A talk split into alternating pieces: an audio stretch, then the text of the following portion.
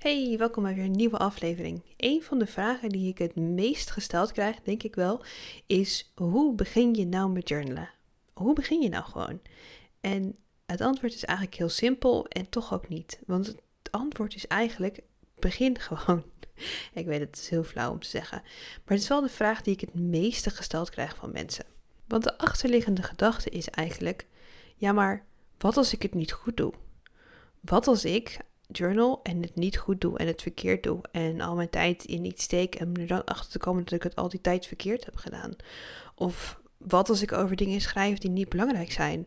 Of wat als ik sowieso wat ik te vertellen heb niet belangrijk is? En het mooie is dat journalen daar echt helemaal geen bal mee te maken heeft. Als jij begint met journalen, dan is het enige wat je verkeerd kan doen aan journalen het niet doen van journalen.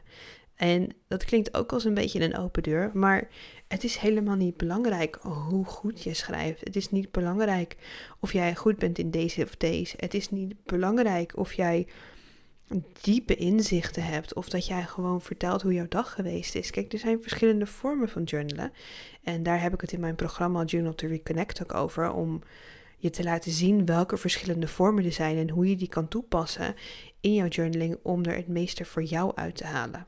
Maar uiteindelijk waar het om draait met journalen is dat je het gaat doen. En er, er is zo'n hele mooie quote van Natalie Goldberg en zij zegt eigenlijk The correctness and quality of what you write do not matter. The act of writing does.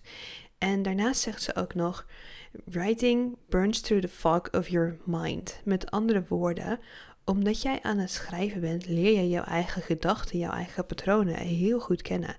En dat is eigenlijk de kern van journalen. Dat jij gaat onderzoeken, hé, maar hoe werkt het nou in mijn hoofd? Hoe denk ik hierover? Hoe denk ik daarover? Ik heb momenten gehad dat ik ehm, steeds hetzelfde thema zag terugkomen. Dat ik begon met, met, met iets en dat ik altijd weer steeds terugkwam op dat ene punt. En dat ik op een gegeven moment erachter kwam: oké, maar hier, hier mag ik iets mee. En daar heb ik uiteindelijk ook hulp voor gezocht. Uiteindelijk had ik hier ook kunnen komen door, door meteen misschien hulp te zoeken. Maar soms moet je je eerst bewust worden van iets voordat je actie kan ondernemen om iets te veranderen. En dat is juist het mooie wat journalen voor mij doet en wat ik bij heel veel mensen heb zien doen. Doordat jij je zo actief bezighoudt met, met je gedachten, uh, met je gedachten volgen. De manier van journalen die ik teach is ook echt onafgebroken vanuit flow schrijven. Dus je mag niet na één zin stoppen en dan nadenken, oké, waar ga ik het nu over hebben? Je blijft echt met je pen je gedachten volgen. En daardoor leer je dus echt jouw eigen gedachten en jouw eigen patronen kennen. En dat is het stuk wat zo ontzettend belangrijk is. Omdat als jij je gaat zitten en je gaat nadenken over iets, dan op een gegeven moment ben je tien minuten verder, zit je op een heel ander onderwerp en denk je, hoe ben ik hier in godsnaam terechtgekomen? Welke sprongen heeft mijn hoofd gemaakt? En als je die uitschrijft door met jouw pen echt jouw gedachten te volgen in je journal, ontdek je dus veel meer patronen. Ontdek je dus waar jouw hoofd naartoe gaat, welke stapjes, welke connecties die maakt. En dat is, het is ja, bijna magisch om te zien, want 5% van wat wij doen, wat wij, wat wij weten, hoe we denken, is bewust. Dat betekent dat 95% onbewust is. En op het moment dat jij die gedachten gaat volgen met je pen, dan tap je dus eigenlijk een stukje in die 95%.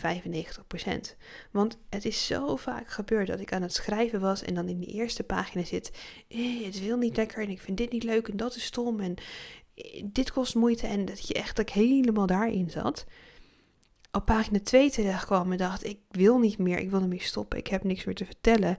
En dan op pagina 3 dat er daar de kwartjes gingen vallen. Ik dacht: oh, zit ik hier mee? En dan is het vaak gevolgd door: oh, zit ik hier nog steeds mee? ik bedoel. Vaak zijn het wel terugkomend thema's waar je je wel bewust van bent, maar waar je misschien denkt van, oh, ik heb hier al mee gedeeld. En er op deze manier achter komt dat je er dus nog meer mee mag dealen, dat je dus nog een laagje dieper mag. Want het mooie aan zelfontwikkeling is, is dat het nooit stopt. Weet je, je kan echt zo'n zelfontwikkeling junkie worden natuurlijk. Ehm, maar het is wel zo dat elke keer als jij een laagje afbelt, dan kom je weer nieuwe dingen tegen. En dan kom je misschien vaak hetzelfde thema tegen, alleen dan steeds op een laagje dieper of net even wat anders. Dus dan hoe meer je van de acute bullshit loslaat, zeg maar, hoe meer de diepere lagen je gaat vinden. Totdat je steeds meer echt bij jezelf uitkomt, bij je kern. Dat je denkt, oh ja, dit, dit is wie ik ben, dit is wat ik wil doen. Maar daarvoor moet je helder kunnen voelen. Moet je helder kunnen voelen wat je, wat je wil en waar je naartoe gaat. En, en daarom is journalen zo'n ontzettende fijne praktische tool ervoor. Het is echt, ik noem het ook wel gewoon cheap therapy. Want het enige wat je nodig hebt is een pen en een boekje. En als je geen boekje hebt, dan neem je de, I don't know, achterkant van een oude envelop, printervelletje. Zolang je maar iets hebt om op te schrijven. En het is wel heel belangrijk, vind ik zelf, dat je het ook echt met de hand doet. Omdat die connectie tussen je hand en je brein, die is heel anders. Omdat je echt met je, met je lichaam dat doet. Dus daardoor kan je veel makkelijker zakken in je gevoel. Dan dat je het eigenlijk op de computer doet. En ja, de computer is sneller en je kan makkelijker je gedachten bijhouden doordat je meestal sneller kan typen dan, dan schrijven. Maar de connectie is anders. Dus je kan met de hand schrijvend veel makkelijker in dat gevoel zakken, veel makkelijker dichter bij jezelf komen. En daar heb je dus niks anders voor nodig dan een pen en een boekje. En ja, het is heel fijn om daar daarna met iemand over te praten. Of als je bepaalde patronen hebt ontdekt, om die samen met iemand op te lossen. Ik vind op dit moment daar de Biotensor een hele fijne tool voor. Ik ben extreem dankbaar dat ik uh, de opleiding heb mogen doen. En dat ik daar nu mensen mee mag helpen om dus van die dieperliggende blokkades af te komen. Want wat ik heel veel gezien heb bij uh, mijn klanten in de 1 op 1 coaching, is dat zij steeds tegen dezelfde dingen aanliepen. Dus dat ze tegen dingen aanliepen van, ja, maar ik weet niet zo goed wat ik moet schrijven en ik, ik, ik kom er niet doorheen. En dan als, we dan, als ze dan met mij praten, dan wisten ze het en dan was het van, yes, dit gaan we doen. En dan daarna gooiden ze hun eigen filter er weer overheen, waardoor ze toch niet tot die diepere laag kwamen als dat ze zouden willen. Maar door met de biotensie aan de gang te gaan en die emotionele en energetische blokkades op te lossen, kan je er dus voor zorgen dat je dus veel makkelijker, veel dieper steeds bij jezelf kan komen, waardoor het makkelijker wordt om te verwoorden wat je wil, waar je naartoe wil. Of als je het wil gebruiken voor content schrijven, dat je gewoon makkelijker weet wat je wil gaan zeggen. Dus bij alles bij elkaar helpt journalen en de biotensor samen om gewoon echt tot je kern te komen. Om echt te voelen wat je wil voelen. Um, het is niet helemaal wat je wil voelen, maar om echt jouw kern te voelen, om daarmee te verbinden. En ik kan hier heel mooi van mijn hoge stoel gaan zeggen, nou, dit, zo kom je lekker bij je kern. Ik heb ook nog steeds mijn blokkades daarin. Ik heb ook nog steeds momenten dat ik het echt even niet meer weet en dat ik me compleet laat meeslepen door mijn eigen bullshit. Echt ik zal, ik zal dat nooit ontkennen.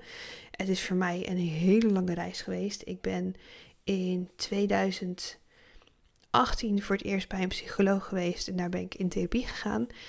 En ik kan wel zeggen dat ik nog steeds bezig ben bepaalde patronen los te laten. Maar dat als ik nu kijk, die afgelopen vijf jaar, vijf en een half jaar ondertussen, heeft zoveel meer gezorgd dat ik me stabieler voel en niet meer vanuit emoties zo snel reageer. Natuurlijk kan ik nog een keertje boos worden in het verkeer. En zijn er bepaalde emoties die zo heftig zijn, die er soort van uit exploderen.